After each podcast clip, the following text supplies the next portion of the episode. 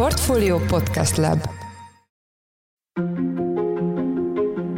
Napra pontosan egy éve vált alacsony intenzitású konfliktusból nyílt háborúvá az orosz-ukrán szembenállás 2022. február 24-én indított Oroszország totális offenzívát Ukrajna ellen. Bár az ukránok sikeresen visszaverték az ország teljes elfoglalására tett orosz kísérletet, a légitámadások Ukrajna szinte teljes területén továbbra is mindennaposak. Kelet-Ukrajnában ebben a pillanatban is véres harcok folynak, sokan pedig attól tartanak, hogy a következő hetekben megindul egy újabb, jelentős orosz előrenyomulás. A veszteségek már most is brutálisak. Az ENSZ által közölt adatok szerint legalább 8000 civil vesztette életét, és közel 13.300-an sebesültek meg. A világszervezet szerint ugyanakkor a tényleges számok ennél jelentősen magasabbak lehetnek. Mark Milley, amerikai vezérkari főnök például már tavaly novemberben 40 ezerre becsülte a civil halottak számát. Uh, probably 40,000 uh, civilians have been killed as collateral damage. Ukrajnából az orosz invázió óta 8 milliónál is többen menekültek el, és további 5,3 millióan váltak belső menekülté. Ők azok, akiknek a konfliktus miatt el kellett hagyniuk a lakhelyüket, de Ukrajnán belül maradtak. A civil lakosságon túl megdöbbentő mértékűek a katonai veszteségek is. Az Egyesült Királyság Védelmi Minisztériumának becslése szerint valahol 40 ezer és 60 ezer között lehet a háborúban elesett orosz katonák és zsoldosok száma, a sérültekkel együtt pedig a 200 ezeret is meghaladhatja az orosz emberveszteség. Az ukrán oldalon a veszteségek mértékennél valamivel enyhébb lehet, nyugati tisztviselők 100 ezer körüli katonai veszteségről beszélnek, Mikhailo Podoliák, ukrán elnöki tanácsadó 10 és 13 ezer közöttre tette az elesett ukrán katonák számát tavaly decemberben. Bár a veszteségek valós mértékét nehéz megbecsülni, az emberélet pusztulásának mértékét jól jelzi, hogy a 20 évig húzódó afganisztáni háborúban az Egyesült Államok és nyugati szövetségeseinek vesztesége még a privát katonai szolgáltató cégek meghalt alkalmazottaival együtt sem érte el a 7500 főt. Igaz, afgán oldalon további 66 ezeres volt a veszteség, de mindez 2001 és 2021 között 20 év alatt történt. Az orosz-ukrán háborút már sok aspektusból vizsgáltok itt a checklistben, a portfólión pedig még inkább, így a műveletek kitörésének első évfordulóján Vladimir Putyin keddi évértékelő beszédének elemzésen keresztül próbáljuk jobban megérteni, hogy pontosan mi is történik most Ukrajnában. A témáról Takácsi Dorka, Oroszország szakértőt, a Center for Euro-Atlantic Integration and Democracy külsős kutató munkatársát kérdeztük. Én Forrás Dávid vagyok, a Portfolio Podcast Lab szerkesztője, ez pedig a checklist február 24-én.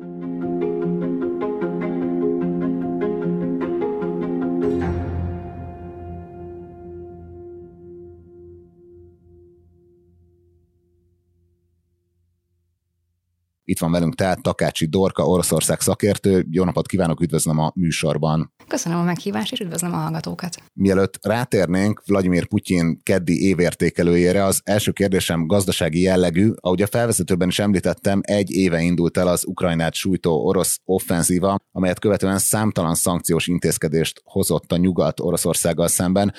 Most már ugye ismerjük a tavalyi orosz makroadatokat, amik egyáltalán nem olyan rémesek, mint amit sokan prognosztizáltak. Valóban volt valamekkora GDP csökkenés, az infláció viszont hát kifejezetten kedvező mértékű mondjuk Magyarországhoz, vagy akár a teljes EU-hoz képest is. Tehát a kérdésem az, hogy van-e már olyan hatása ezeknek a szankcióknak, ami a, a mindennapi ember számára érzékelhető Oroszországban? Természetesen van, és egyrészt így van, de hát az orosz gazdaság zsugorodott ugyan, de az orosz jegybanknak is többféle bestése volt, ezek között volt drasztikusabb és kevésbé drasztikus is, és valójában ez a kevésbé drasztikus igazolódott be, tehát egy 2% pontnál, 2% nál valamivel nagyobb csökkenés volt, de nem kriminális, hiszen úgy tűnt, hogy akár 2%-tól 6%-ig terjesztett a csökkenés, és hát ebből ugye az optimista vízió jött be, és valóban az infláció sem magas, 12-13%-os volt a tavalyi év inflációja, ami valóban Európában nézve ebben a pillanatban kifejezetten irillésre méltó. Ugyanakkor ez nem jelenti azt, hogy az orosz gazdaságban nem gyülekeznek viharfellegek, hiszen a szankcióknak alapvetően nem az a célja, hogy az orosz embereket sanyargassák. Tehát mindjárt szólok több szót arról, hogy az emberek ebből mit éreznek, és hogy szektoriálisan ennek milyen hatásai vannak. A szankcióknak nem az a célja, hogy az átlagember szenvedjen. Nyilvánvalóan vannak ennek hatásai, de a szankciók alapvetően szektoriálisan célozva vannak. Az a célja a szankcióknak, hogy közép és hosszú távon a háború folytatását nehezítsék meg olyannyira, annyira az orosz félnek, hogy ez egyszerűen egy idő után már ne érje meg, ne tudják ezt olyan hatékonyan megtenni, sem gazdasági, sem technológiai, sem személyi szempontból.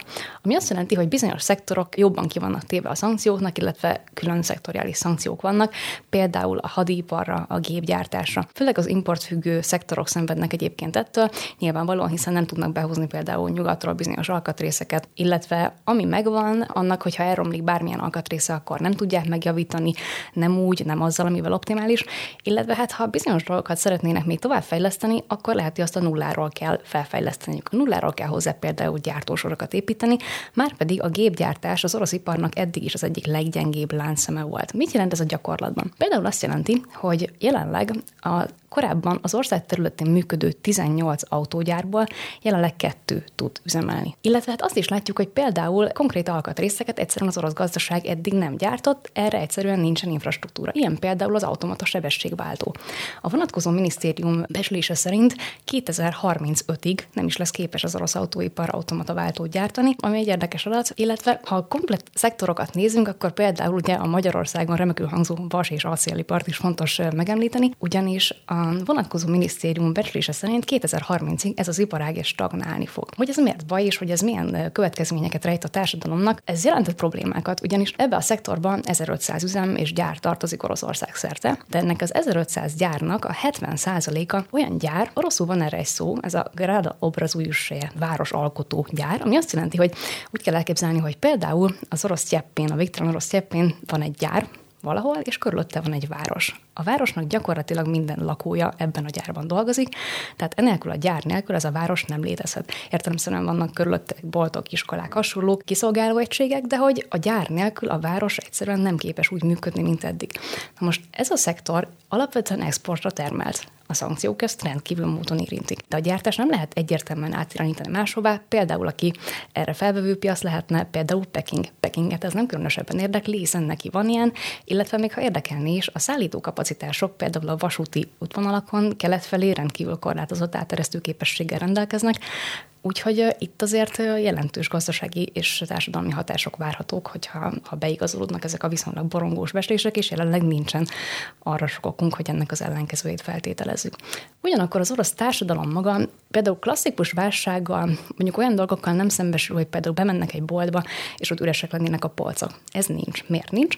Azért nincs, mert már a 2014-es kelet-ukrajnai válságot és eseményeket követően, miután a nyugat szankciókat hozott Oroszországgal szemben, Oroszország ellenszankciókat hozott, amik főleg a mezőgazdasági behozatalt és az élelmiszereket érintették, tehát ott nyilván volt egy rövidebb átállás hiányokkal, nehézségekkel, de igazából az import helyettesítésre került. Az orosz elit nyilván nem független az orosz politikai direktíváktól, tehát itt nyilván volt ebben kormányzati akarat is, de itt az orosz elit nagyon komoly befektetéseket tett például a mezőgazdaság fejlesztésébe. Tehát az orosz mezőgazdaság többé-kevésbé egyébként önellátó lett, tehát igazából nyugati élelmiszerek eddig sem igazán voltak a polcokon, mert mint amit nem Oroszországban gyártottak nyugati cégek, hanem máshonnan vitték be. Tehát az, hogy ezek most nincsenek, nem is lehetnének, ez, ez nem akkora drasztikus változás. Ugyanakkor az átlagember is szembesül például olyan problémákkal, amit az okoz, hogy bizonyos nyugati márkák és cégek kivonultak az orosz piacról. Például, akinek nyugati autója van, annak rendkívül nehézé vált a javítás. Hiszen ugye ezek a nyugati autócégek most már ott nem üzemelnek, és hát akinek elromlik a járműve, az egyszerűen nem tudja elvinni szervizbe, úgyhogy biztos lehet benne, hogy lesz hozzá alkatrész, meg tudják csinálni záros határidőn belül. Rendkívül esetleges, hogy például autóalkatrészek használt autóban közép-ázsián keresztül be tudnak jutni az országba, ha igen, akkor akkor mi, az pontosan olyan-e, mikorra tudják megcsinálni. Tehát azért az orosz átlagember is megérzi, és nyilvánvalóan erre még rájön az, hogy például már több közösségi média felület sem elérhető az országban, vagy nehezebben, ugye VPN-en keresztül. Úgyhogy az orosz átlagemberek is érzik, és ahogy az idő halad, egyre inkább fogják érezni. Akkor azt így ennek a blokknak az összefoglalásául kimondhatjuk-e, hogy vannak már ilyen lokális jelek, amik közép vagy hosszú távon nagyobb problémákat okozhatnak, de hogy valamennyire már a korábbi szankciók hatására, tehát a 2014-től idáig tartó időszak miatt van egy ilyen alkalmazkodási képesség az orosz gazdaságban, ami egyenlőre jobban vizsgázik, mint mondjuk a rosszabb szenáriók prognosztizálták korábban. Így van, tehát az orosz gazdaság bizonyos szegmenseiről kiderült, hogy egyébként meglepően reziliensek, ugyanakkor ez nem jelenti azt, hogy a szankciók ne lennének hatékonyak. Jó, térjünk rá Putyin beszédére, amit ugye néhány napja mondott el. Az lenne a kérdésem, hogy ebben a beszédben, ebben az évértékelőben itt milyen narratívák jelentek meg a magáról a háborúról, illetve főleg annak kitöréséről? A beszéd tartalmában nem hozott sok újat, tehát igazság szerint a beszéd nagy része, mindazok a narratívák, amiket Putyin használt ebben a beszédben, és mindazok a komplett topozok, amiket használt, ezek nem újak. 2013 óta gyakorlatilag ő ezt a nyelvezetet használja, ezt a mitológiát építi. Viszonylag konzekvensen egyébként. Ami a beszédben újdonság volt, az talán a beszédnek a, az intenzitása és a retorikának a, a karcossága. Tehát, hogy nyilván ő hajlamos odamondogatni, de hogy ez egy nagyon-nagyon felfokozott hangvételű beszéd volt, ahol tisztán kijelentette, és hát meglepő hosszúsággal kifejtette, ugye, mert hát 110 perc, így van, így van, így van, jó hosszú volt a beszéd, ez a közönségen is látszott, a közönség arckifejezését érdemes tanulmányozni, megéri, nagyon jó, nagyon élvezték ők is. Úgyhogy a, a beszédnek inkább a, a hangvétele és a retorikának a karcossága meglepő, de hogy mik ezek a konkrét narratívák, hát ő egyértelműen a felelősséget a háború kitöréséért, amit ő egyébként eh, konzekvensen azóta sem háborúnak szólít. Bár egyébként már ő is vétett hibát, úgymond, hiszen továbbra sem lehet háborúnak nevezni a háborút, hanem speciális katonai műveletnek, hiszen a hadseregről szóló álhír és dezinformáció terjesztés tilalmára vonatkozó elnöki rendelet továbbra is érvényben van, tehát ez nem azt jelenti, hogy mindenki, aki ezt háborúnak szólítja, azt mindenkit elvinnének, de ülnek újságírók és ülnek aktivisták börtönben emiatt. Hogy Putyin megüsse emiatt magát. Ez jobb lesz, ha vigyáz. Na minden esetre ő használta egyébként már korábban a háború szót, hát őt értelemszerűen nem vitték el. Na de minden esetre ebben a beszédben most nem használta a háború szót, hanem a hivatalos terminológiát, a különleges katonai műveletet használta, és hát ő a felelősséget ezért teljes egészében a nyugatra tolta. Az ő mitológiája szerint az egésznek az oka az, hogy a nyugat agresszívan terjeszkedett Ukrajnával egyetemben, tehát némileg Ukrajnát maga előtt tolva, és hogy Ukrajna fenyegetés jelent Oroszország számára, főleg az Ukrajnában élő orosz ajkóak számára, és hogy ő gyakorlatilag egy megelőző csapást kellett, hogy mérjen az ő terminológiája szerint Ukrajnára, hogy meg tudja védeni az embereit. Igen, ebben a beszédben ugye megjelent egy olyan narratíva, amit most ön is említett, ez a megelőző csapás, hogy gyakorlatilag Ukrajna az a küszöbén állt egy olyan katonai műveletnek vagy háborúnak, hogy visszafoglalja a Donbaszt, illetve a Krímet, és hogy emiatt kellett Oroszországnak elindítani a háborút. Egyáltalán mennyire reális, hogy Ukrajna ezt meglépte volna, annak ellenére, hogy nyilván nemzetközi jogi szempontból nyilván neki egyébként joga van olyan műveletet indítani, amivel visszaszerzi a saját területeit, de ez mennyire volt egy reális szenárió tavaly februárban? Ez nem volt különösebben valószínű, de igazából az, hogy bizonyos dolgok sem nem valószínűek, sem nem mondjuk esetleg nem történtek meg, ez Vladimir Putyin nem szokta meggátolni abban, hogy ezekre ne hivatkozzon tényként. Ilyen például az, hogy amivel vádolni szokta Ukrajnát és az ukrán vezetést, amely szerint az ukránok nácik, erre majd gondolom később visszatérünk még, hogy az ukrán, ukránok nácik és népírtást követtek volna el állítólag a Kelet-Ukrajnában az orosz ajkú lakossággal szemben. Na most ő erre rendszeresen hivatkozik, erre nincsen bizonyíték. Tehát több éven keresztül nemzetközi megfigyelők direkt ezt kivizsgálandó megfigyeléseket folytattak, kutatást folytattak ezen a területen, és arra nem találtak bizonyítékot. Ennek ellenére ez egy visszatérő hivatkozási alap Vladimir Putyin számára, illetve a teljes propaganda apparátus számára, amikor Ukrajnát azzal vádolják, hogy népírtást követel. Jó, igen, tehát az ilyen történelmi narratívákra még, még rákérdeznék egy kicsit később. Most, ami így viszonylag aktuális, hogy ugye egyfelől az elmúlt hetekben született arról döntés, hogy Ukrajnának modern európai harckocsikat szállít a, a NATO, másrészt pedig sokkal inkább benne van most az a közbeszédben a nyugati szövetségesek részéről, hogy akár valamikor modern repülőgépeket is, harci repülőgépeket kaphat, és valahogy erre utalva, hogy a Putyin azt mondta, hogy hát minél nagyobb hatótávolságú fegyvereket kap Ukrajna a nyugattól, akkor őket annál messzebb kell taszítani, vagy a veszélyt annál messzebb kell taszítani az orosz határokról. Itt milyen orosz határokról beszélt, és mennyire jelenik meg koherensen az orosz narratívában az, hogy ugye tavaly sok területét Ukrajnának azt az orosz jog szerint Oroszországhoz csatolta, tehát hogy ez az egész annexió, ez mennyire jelenik meg most a, az ő beszédeiben, meg az egész ilyen narratívában háborúval kapcsolatban.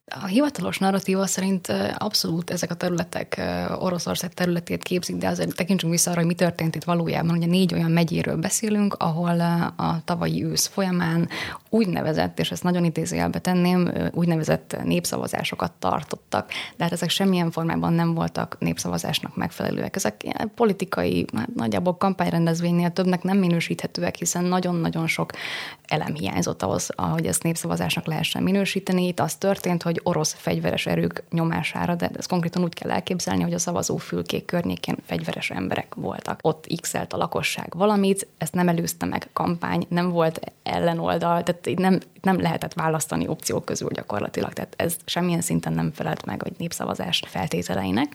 Ugyanakkor ez nem akadályozza meg természetesen Putyint abban, hogy úgy gondolja, és hogy azt hangoztassa, hogy de. Tehát az orosz jogrend szerint ezek a területek most már Oroszország részét képezik. Most attól, hogy a hivatalos narratíva ez, én nem vagyok róla meggyőződve, hogy ez, ez egyébként az orosz lakosságnak annyira átment például, mint amikor, amikor a krímet kebelezte be Oroszország ugyanúgy illegálisan. Tehát erről én nem vagyok teljesen meggyőződve, hiszen nyilvánvaló a propaganda nagyon erős, nagyon-nagyon sokféle felületen és mérhetetlen intenzitással dolgozik. Tehát gyakorlatilag szerintem a hatása alól nem igazán tudja magát kivonni az egyszerű ember, de nem vagyok róla meggyőződve, hogy teljesen magáével tették az oroszok, hogy ez most akkor most már tényleg Oroszország része. Szerintem ez, ez azért ennyire nem egyszerű. De mindenképpen volt ebben a mondatában, vagy ezekben az állításaiban Putyinnak egy ilyen fenyegetőzés, hogy jó, hát minél több fegyvert adtak Ukrajnának, mi annál tovább fogjuk időben, vagy inkább a távolságban ugye folytatni ezt a, a hadműveletet, és itt bennem az merült fel, hogy ez mennyire egy ilyen reális fenyegetőzés, tehát hogy mondjuk az elmúlt egy évre, hogyha visszatekintünk, akkor hát ez valamennyire azt szerintem egy ilyen közös alap lehet sokakkal, hogy hát azért ez nem az orosz hadseregéve volt. A fenyegetőzés az egy kulcsfogalom, úgyhogy nagyon örülök, hogy ez itt elhangzott, mert a, a fenyegetés és a fenyegetőzés ez a, ez a mostani orosz vezetés és hadviselésnek egy, egy nagyon fontos eleme. Tehát nyilvánvalóan most mi Oroszország érdeke, hogy eljessze és eltántorítsa a nyugatot attól, hogy támogassa Ukrajnát, hiszen nyugati támogatás nélkül Ukrajna értelemszerűen nem lenne képes azon a színvonalon harcolni, amelyen most ugye sem emberileg, sem infrastruktúrálisan nem, nem lenne azon a szinten, ami most.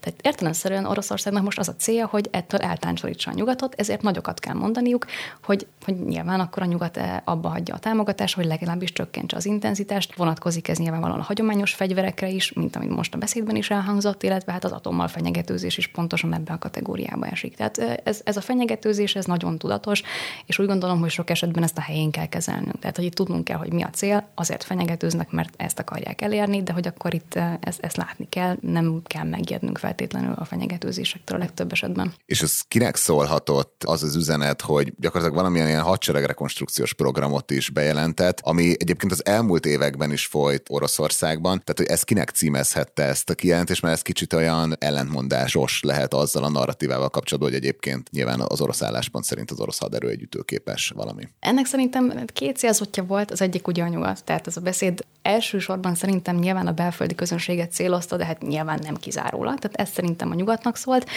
Illetve most már, hogy a mozgósítottakkal együtt azért egyre több orosz szerez tapasztalatot a katonaságban, vagy hát megy vissza a katonaság kötelékébe, akarva vagy akaratlanul, ugye gondolom erről is fogunk még beszélni, akik korábban maximum katonák voltak, ugye még talán több tíz évvel ezelőtt, és hát ők ekkor szembesülhetnek olyan állapotokkal, amik viszonylag áldatlanok jelenleg a hadseregben. Tehát ez úgy gondolom, hogy talán nekik szólt egyfajta vigasztalásként, hogy lesz ez még jobb, tartsanak ki, folytassák. Ugyanis az egész beszédnek volt egy ilyen tartalmi eleme. Tehát úgy gondolom, hogy az egész beszédnek a nagy része köré épült, azt sugalta a beszéd, hogy Putyin egy elhúzódó háború esetén is folytatná ezt ugyanúgy, és ez egy, egyfajta léleköntés volt a lakosságban. Nekünk van igazunk, megyünk előre, folytatjuk, ez volt a terv, Örülök, hogy behozta, hogy ez volt a terv, meg ugye beszéltünk már a Ukrajna nácitlanításáról, illetve most a, a, ugye a sorozásokra is, vagy ilyen behívásokra az orosz haderőbe. Itt ugye valamennyire próbálta Putyin ebben a beszédben így egységesként feltüntetni az orosz lakosságot,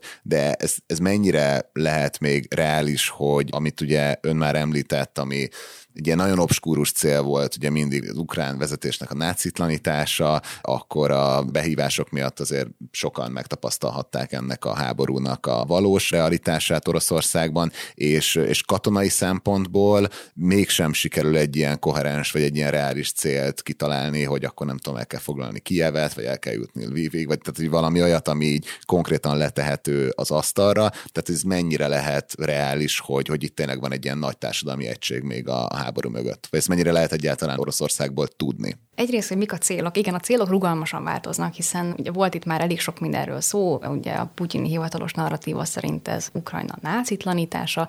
Ebbe bekapcsolódott egyébként már egy vallási vonal is, tehát az orosz ortodox egyház Kirill Pátriárka vezetésével rendkívül véres szájú és rendkívül aktív agitációs módon veszi ki a részét a, hát, a lelkesítésben, ha mondhatjuk így, úgyhogy Kirill Pátriárka elmondása szerint, vagy hát ukáza szerint itt konkrétan sátántalanítás történik már Ukrajnában, tehát itt már tovább mentünk. Ő azt is ígéri a harcoló oroszoknak, hogy az ukránok megölése nem bűn, sőt a harctéren meghalt, elesett emberek automatikusan azonnal a mennybe kerülnek, úgyhogy itt már sokféle dolog elhangzott. Minden esetre a, a célok viszonylag rugalmasan mozognak nagyjából úgy, hogy mint, mint hogyha egy, egy fegyvercsövét mozgatnánk, és akkor a, a célkereszt nagyjából mindig azon lenne, amit éppen beláthatónak gondolunk. Hát az orosz vezetés hajlamos így fogalmazni, úgyhogy itt már sokféle cél volt. Volt itt már szó a, a kievi vezetés leváltására, ugye ezzel indult maga az egész. Ugye ez már jó régóta nem reális cél, úgyhogy most már nem is erről van szó, úgyhogy úgy gondolom, hogy az, hogy itt viszonylag ilyen homályos és ideológikus célok hangzanak el, ez szerintem egyrészt annak köszönhető, hogy ugye erre majd később rá lehet húzni sok mindent. Tehát, hogy akkor ez nem olyan dolog, hogy egy, egy konkrét földrajzi helyet kiszúrva, most ott viszonylag feltűnő, hogy az ténylegesen el vagy nem. Ez egy rugalmasan alakítható cél lesz. Ugyanakkor nyilvánvalóan vannak, vannak célok, tehát nyilván az orosz vezetés szeretné megszilárdítani a hatalmát a négy álnépszavazással megszerzett területen, de hát nyilvánvalóan azért még ez is igencsak messze van, hiszen ezeknek a területeknek egy részét Oroszország akkor sem tartotta kontroll alatt, amikor erről hivatalosan ezt az álnépszavazást megszervezték, úgyhogy valóban tehát ezek a célok nem véletlenül nem teljesen kézzelfoghatóak, azt mondanám. És ez a társadalmi támogatottság, hogy ez mennyire egységes, valóban ezt nem könnyű mérni, hiszen vannak egyébként közvéleménykutatási adatok, de hát azt is pontosan tudjuk, hogy minél inkább autoriter egy rendszer, annál kevésbé megbízhatóak a közvéleménykutatási adatok, illetve azt is tudjuk, hogy arra is vannak kutatások, hogy Oroszországban például a közvéleménykutatási adatok mennyiben torzítanak azon válaszok felé, amiről a válaszadó azt gyanítja, hogy a hatalom azt szeretné hallani. Egy olyan kutatást találtam erről, ami azt mutatta, hogy ez nagyjából 15-20 százalék. Az orosz lakosságnak nagyjából a 75%-a támogatja egyébként a háborút, a Levada Center egyik adata szerint, ami azt hiszem, hogy januári.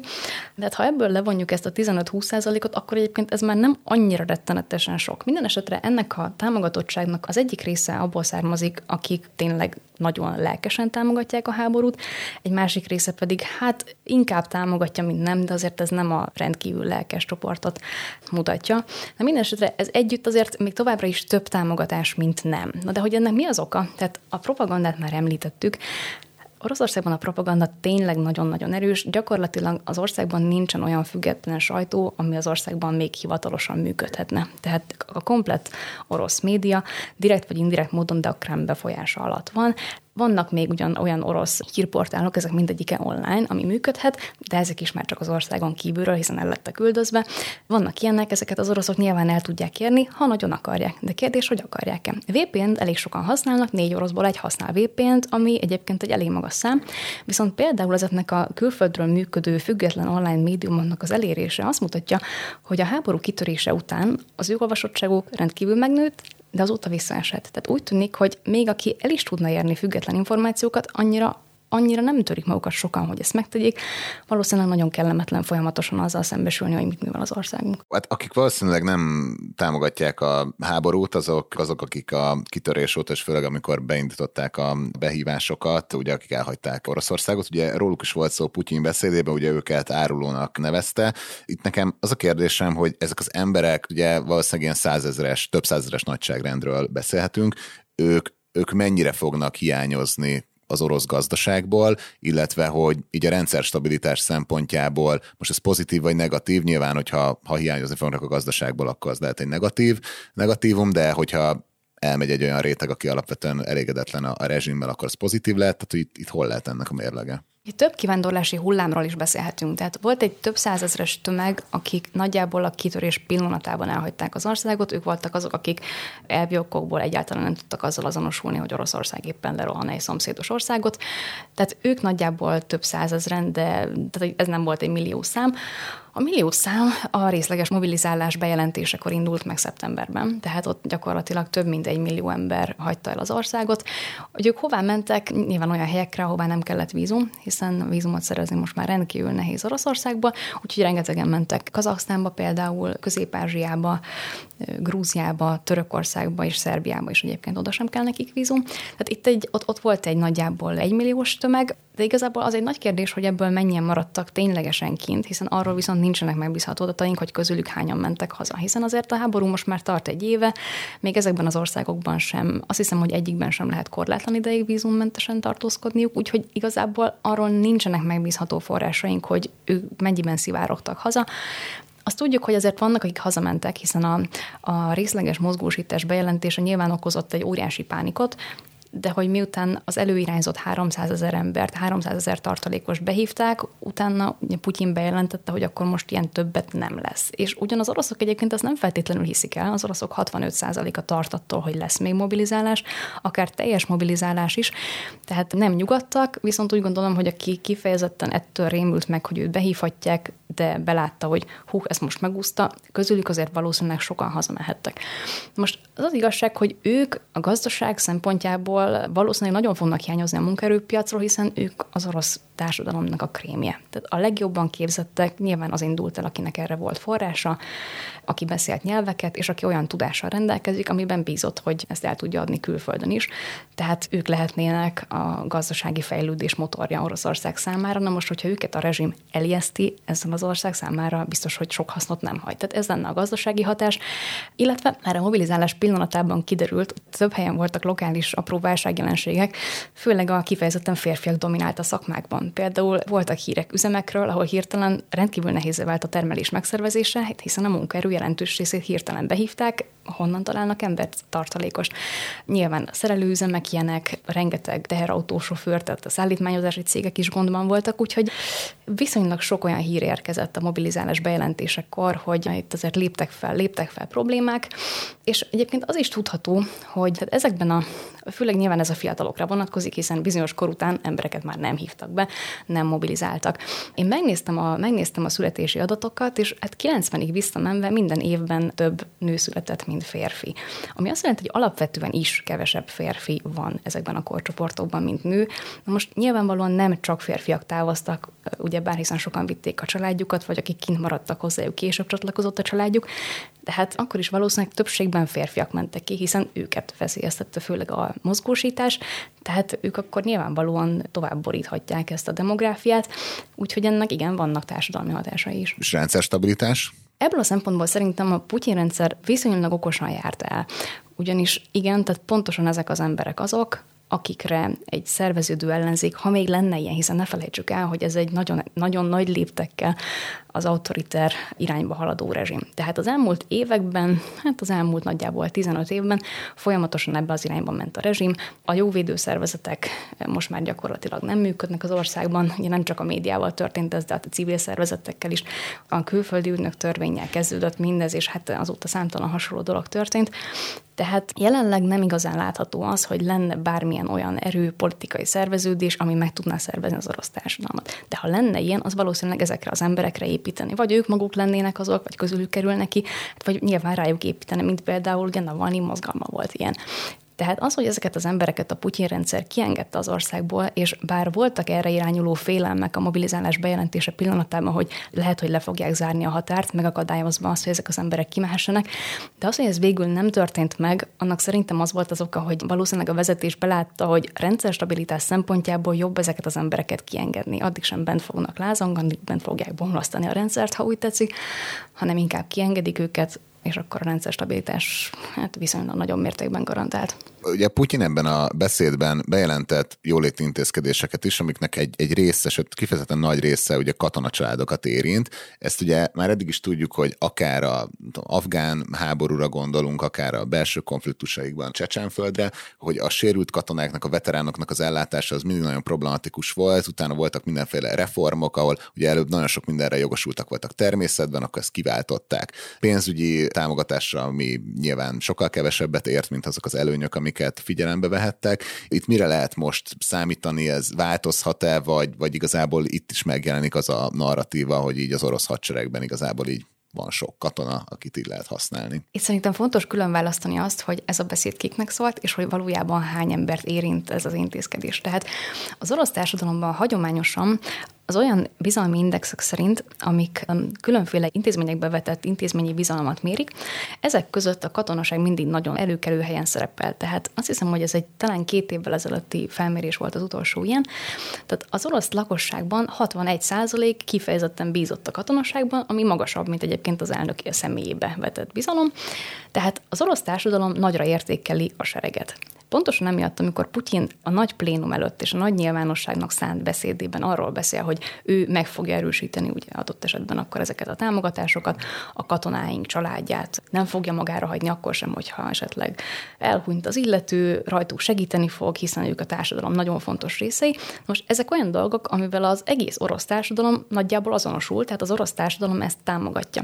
Hogy ebből a valóságban a katona családok hát számára mi fog lecsapódni, ez viszont egy más másik kérdés, ugyanis ugyanúgy, ahogy a csecsen háborúk esetében láttuk például, ott is több száz olyan katonáról, illetve katona családról tudunk még mindig, ahol, ahol még mindig nem kapták meg az elhunyt hozzátartozó után járó kártérítést, és igazából erre egyre kevesebb remény van.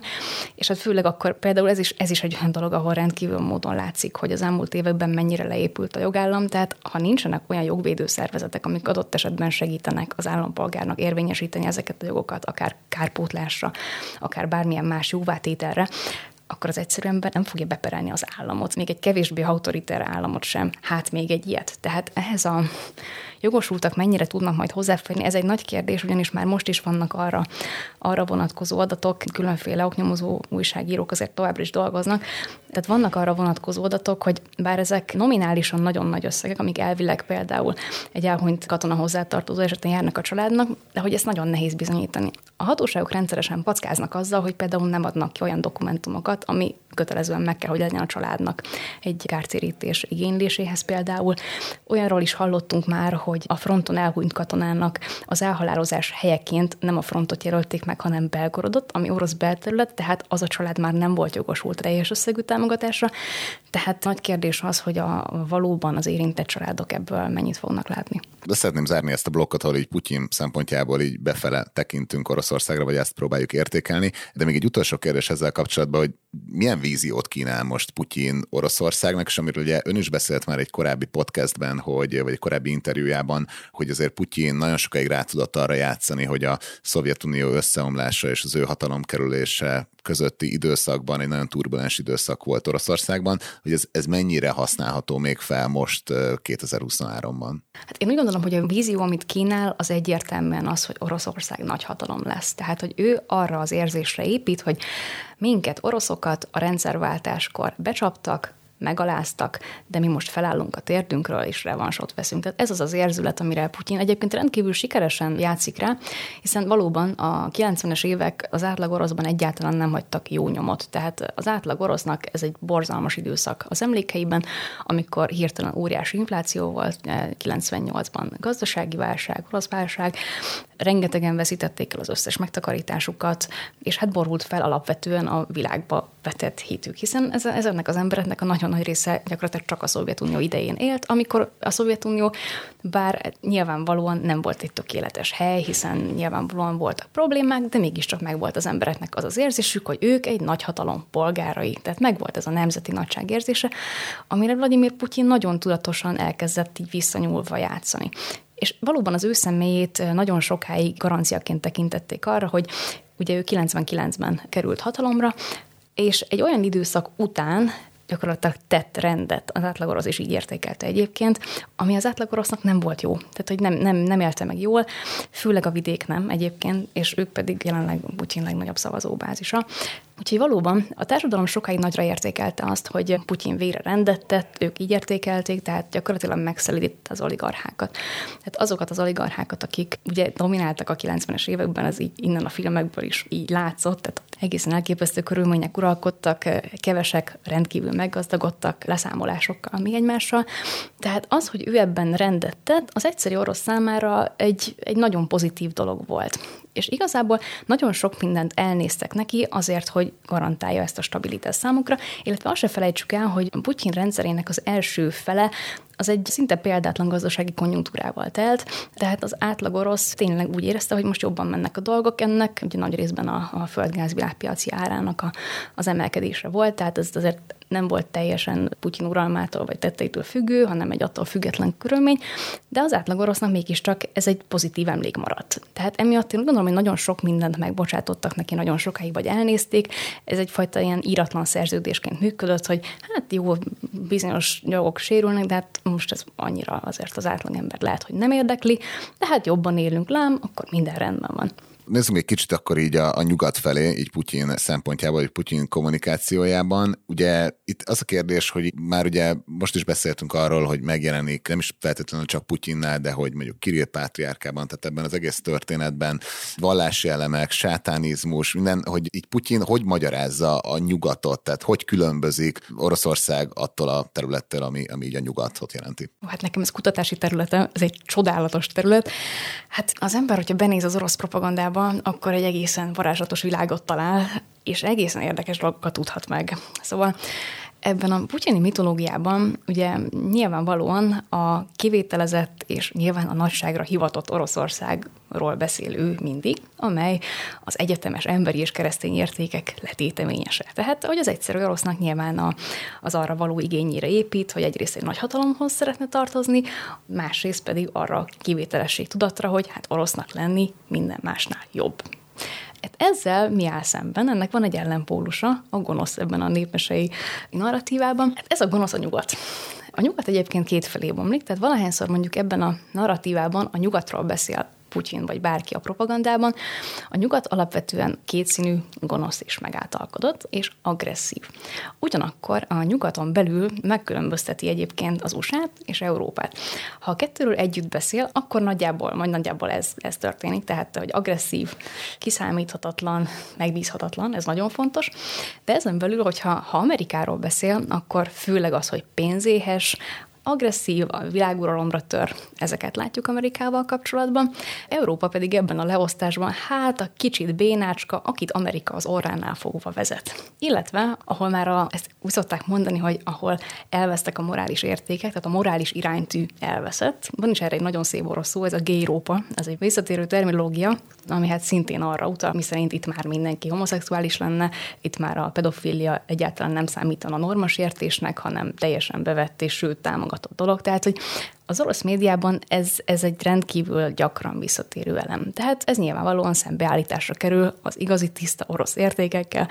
Úgyhogy itt nagyon érdekes dolgok is történnek, és hát Ukrajna pedig hát egyrészt a Putyin legendárium szerint egyrészt nem létezik, tehát ukránok nem léteznek, ők valójában oroszok, Ukrajna sem létezik, illetve hát ami meg létezik, az pedig nácikból áll, nácik vezetik Ukrajnát, akik pedig Oroszország biztonságára törnek. Úgyhogy nagyjából így ez a legendárium alapja, és igazából ő ezzel indokolja azt, hogy miért volt szükség arra, hogy Oroszország beavatkozzon, hiszen ezt önvédelemből tette valójában. És akkor gyakorlatilag ezt az ilyen víziót vagy világmagyarázatot építi akkor is, amikor folyamatosan újra magyarázza a múltat, akár az osztrák-magyar monarchiával való viszonyát Oroszországnak, akár a második világháborút, tehát hogy van egy ilyen folyamatos dinamikus változása a történelemben. Egyértelműen igen, és például az abból is látszik, hogy például Sztálin emlékét is rekonstruálja. Tehát, hogy nyilvánvalóan ez attól is függ, hogy most milyen értékeket hangsúlyoz, most milyen értékeket szeret kiemelni, és nyilván azon a lencsén keresztül szereti mutatni. Tehát most, amikor ő az, az átlag orosznak a nagyhatalomhoz tartozás iránti igényét látja,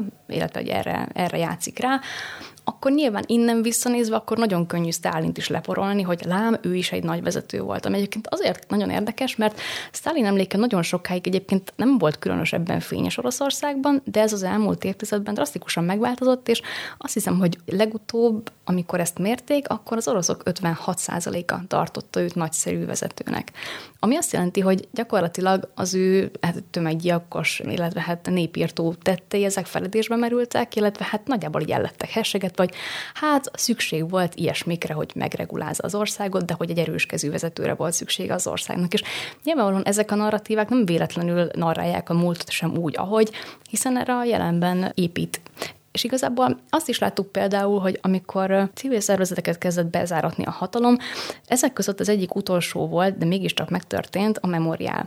A Memoriál volt talán az első olyan orosz jogvédő szervezet, ami azzal foglalkozott, hogy a gulágra elhurcolt és elhunyt emberek emlékét ápolja. És gyakorlatilag azt hiszem, hogy tényleg talán ez volt az első ilyen szervezet, ami Oroszországban létrejött, tehát ennek volt így a leghosszabb múltja, és azért nagyon szimbolikus volt, amikor ez bezáratta. Visszatérve egy kicsit a, a jelenre, ugye Oroszország, vagy hát Putyin szinte két óra után bejelentette, hogy egyébként Oroszország felfüggeszti a, a részvételét az új start egyezményben. Ennek mennyire lehetnek reális olyan implikációi, ami mondjuk így a világnak a biztonságát veszélyeztetné, vagy, vagy mennyire kell inkább ezt is abban az ilyen politikai térben értelmezni, hogy minél inkább ezzel az ilyen atomháború rémével fenyeget, akkor az valamennyire tényleg a, a nyugatnak a támogatását vissza tudja venni, tehát ezt, ezt szét lehet-e így szálazni?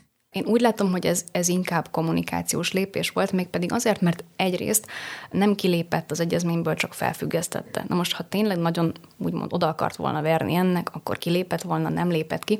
Másrészt pedig ugye ezt az egyezményt 2020 óta nem tudták betartatni, ugyanis Oroszország nem biztosította az USA-nak, a megfigyelőknek a betekintési és megtekintési jogot a saját objektumaira, tehát hogy 2020 óta ezt az egyezményt amúgy sem tudták végrehajtani. Na most egy, egy nem végrehajtott effektív, nem működő egyezmény felfüggesztése, úgy gondolom, hogy azért ez nem annyira veszélyes. Rátérve az Egyesült Államokra, egyfelől ugye Biden elnök is mondott egy beszédet pár nappal ugye Putyin évértékelője után. Ő reagált erre a putyini beszédre, és hogy így miben különbözött a két politikusnak a mondandója? Reagált, reagált, igen, tehát miután ő, ő, ő Varsóban, Varsóban reagált erre a beszédre, Hát kevéssé meglepő módon ő nem osztotta Vladimir Putyinnak azon nézetét, hogy ezt a háborút a nyugat indította volna el, és azt is kijelentette, hogy ezt a háborút Oroszország indította, és Oroszországnak kell befejeznie is. Úgyhogy igazából Biden oldaláról úgy gondolom, hogy annyira sok meglepetés nem hangzott el, lehet vidám statisztikákat hozni, tehát például nyilvánvalóan egy viszonylag jelentős eltérés volt a Putyin és Biden beszédének a hossza között, és nyilvánvalóan a tartalma között is. Tehát Biden beszéde 2500 szavas volt, tehát nem volt túlságosan hosszú, ebben 27-szer ejtette ki a szabadság szót, mindeközben Vladimir Putyin 10 szavas megszólalása során 7-szer ejtette ki a szabadság szót, és akkor is olyan kontextusban, hogy Oroszországnak a nyugati szankciók alól kell megszabadulnia, illetve a nyugati agressziótól kell megszabadulnia. És az egyébként így mennyire tekinthető szimbolikusnak, hogy ugye egy éve megy a háború, de most ugye leginkább Kelet-Ukrajnára koncentrálódnak a harcok, és erről olvasunk ugye a legtöbbet, vagy erről van a legtöbbet, de hogy azért emlékezzünk vissza, hogy egy éve gyakorlatilag azonnal így deszantosokat dobtak le Kiev mellett, tehát hogy egy ilyen sokkal nagyobb cselekmények kezdődtek egy éve, mint amit most látunk a fronton, hogy az így mennyire tekinthető valami mennyire szimbolikusnak, hogy ugye Joe Biden mielőtt Varsóba ment ezt a beszédét megtartani, előtte elment Kievbe, és hogy hát nem Putyin tudott lenni egy évvel a háború megindítása után Kievben, hanem, hanem az amerikai elnök nagyon erősen szimbolikus. Egyrészt azért, mert a háború kirobbanása után, illetve azt követően egy nagyon nagy félelem volt a nyugati társadalomban, azt illetően, hogy ezt a támogatást meddig lehet fenntartani. Tehát nyilvánvalóan nagyon sokan érezték úgy, hogy hát Ukrajnának ebben a helyzetben segíteni kell, hiszen ő az áldozat, de hát azért megjelentek azonnal az olyan hangok, hogy hát jó, de hát ez a, ez a társadalmi segítség, ez a társadalmi szolidaritás, ez nem lesz hosszú életű, hiszen az emberek megunják, elfáradnak, a maguk dolgával akarnak törődni. Tehát ebből a szempontból kulcsfontosságú, hogy most egy évvel később Biden nem csak, hogy bejelentett dolgokat, további segítséget, nagymértékű segítséget, de hogy ez ott helyben jelentette be, ennek nagyon-nagyon nagy jelentősége van, és egyébként az is egy kifejezetten szép kivitelezés, hogy a látogatás tényét sikerült teljesen titokban tartani a világ közvélemény előtt. És ön szerint egyébként mik lehetnek a legnagyobb akadályai annak, hogy a nyugati társadalmakban valóban fenntartsák ezt a típusú támogatást, ami most még jelen van? Azért nem olyan elsőprő, mint a háború kitörésekor volt, de azért van egy kényelmes többség. Az, hogy még mindig többségben vannak azok, akik támogatják, tehát hogy a támogatás úgy valójában, valójában megvan még, és nem csökkent egy kritikus szint alá, ebben úgy gondolom, hogy egyébként Oroszországnak magának is rendkívül nagy szerepe van. Tehát az, hogy deklaráció volt az, hogy a civil infrastruktúrát is támadják. Tehát az, hogy itt a kritikus infrastruktúrát, ami például az erőműveket, a különféle energiaellátáshoz tartozó kiszolgáló egységeket és hasonlókat érintse, azzal a célra, hogy az ukrán lakosság szenvedésén keresztül érjenek el politikai változás Ukrajnában, nevezetesen az, hogy Ukrajna feladja az önvédelmet. Na most ez a nyugatban nem, hogy nem csökkentette az Ukrajna iránti elkötelezettséget, de nyilvánvalóan növelte is azt, hiszen látják, hogy az ukránok szenvednek, és ezzel a fajta szenvedéssel, amikor nem csak a hadsereg tagjai, akiknek hát most mondjuk úgy csúnya szóval, hogy ez egy kicsit dolguk, vagy hát tőlük ezt várja társadalom, hát amikor nem ők szenvednek, hanem a civilek, és ezt ugye jól látjuk, hiszen nincs annyira messze, akkor a nyugatban ez kifejezetten erősítette a segítségnyújtás iránti, hát egy, egyfajta morális kötelezettséget. Úgyhogy én gondolom, hogy a nyugati támogatás többek között azért is tart még ki, hiszen, hiszen egyszerűen látjuk. Látjuk azt, hogy mi történik, látjuk azt, hogy szenvednek a civilek, és azt is látjuk, hogy az ukránok viszont harcolni akarnak. Tehát ez például a Putyin mitológiában szintén egy közkedvelt toposz, hogy a nyugat az utolsó ukránik hajlandó harcolni. Ezt előszeretettel hangoztatják, a nyugat ezt nyilván nem csinálná, tehát ha az ukránok maguk már nem akarnának harcolni, mert úgy éreznék, hogy ez már túl sok, ez már, ez már nem bírják, ezt már nem akarják, inkább letennék a fegyvert, a nyugat nem nyomná őket tovább. De az ukránok azt látjuk, hogy továbbra is küzdeni akarnak, több mint 90% a száma azoknak a, az ukránoknak, akik folytatni akarják a háborút, hiszen számukra ez egy honvédő háború, tehát most ha ők nem folytatják ezt, akkor lehet, hogy az egész ország Oroszországhoz kerül valamilyen úton, módon, illetve hát látták, az ukránok is látták, és a világ is látta, hogy mi történt Irpinben, mi történt Bucsában. És ezt nyilván nem akarják egy ilyen záró kérdésem van, hogy ugye jövőre választások jönnek Oroszországban, és decemberben volt egy ilyen évértékelő műsorunk itt a Portfolio Checklistben, ahol Deák András, a Nemzeti Közszolgálati Egyetem munkatársa volt a, a vendégünk, és ő úgy fogalmazott, hogy az orosz politika nagy ragadozója a háborús vereség, és hogy osztja ezt az álláspontot, és hogy ez azt jelenti-e egyben, hogy így valamilyen győzelemszerűségnek idén vagy jövő év elején ki kell jönnie ebből az egész helyzetből? Igen, egyetértek vele, már csak azért is, mert egyszerűen ez a putyini rendszer olyan szinten központosított, és főleg ez a háború neki olyan szinten személyes háborúja, hogy igazából ezt a felelősséget, ami adott esetben akár a háború megnyerését eredményezni, akár a háború elvesztését, ezt nem tudja magától eltávolítani. Tehát neki ez feltétlenül. Ez egy gyakorlatilag sorsdöntő kérdés. Most hát ez nem mintha azt jelenteni, hogy jelenleg a hatalom közelébe engedne jutni bármilyen rivális. Tehát, hogy azért úgy gondolom, hogy nyilvánvalóan van annak hatása, mit, milyen sikereket vagy kudarcokat ér el az orosz sereg a fronton, de hát nem valószínű az, hogy bármilyen kompetens jelentkezőt rajtvonalhoz engedjen állni Putyin, azért ezt nagyjából látjuk. Ugyanakkor a propaganda van annyira erős, és van annyira, hát központosított, tehát jól használható Putyin számára, hogy igazából az, hogy mit tud eladni győzelemként, ez szerintem egy rendkívül képlékeny dolog. Tehát, tehát igazából gyakorlatilag bármit el tudna adni, amit abban a pillanatban ő annak akar láttatni. De akkor valami ilyesmire számíthatunk mondjuk egy ilyen egy-másfél éves idősikon? Szerintem feltétlenül, tehát ez simán benne van a pakliban, de nyilván ez fog attól függeni abban a pillanatban, hogy hogy fognak állni a frontvonalak, hogy ez éppen mennyire lesz megfelelő a felek számára, de én úgy gondolom, hogy igazából Putyinnak abból a szempontból nincsen félnivalója, hogy esetleg egy esetleges kisebb győzelmet ne tudna ugyanúgy eladni nagy győzelemként, mint egy adott esetben nagyobbat, hiszen egyszerűen egy olyan infrastruktúra áll a kezében, aminek hihetetlen komoly hatása van. Hát nagyon szépen köszönjük, hogy a rendelkezésünkre állt. Ugye ez volt a portfólió checklist külön kiadása annak alkalmából, hogy egy éve tört ki az orosz-ukrán háború. A műsorban vendégünk volt Takácsi Dorka, Oroszország szakértő. Köszönjük szépen, hogy itt volt a műsorban, és elfogadta a felkérésünket. Köszönöm a meghívást.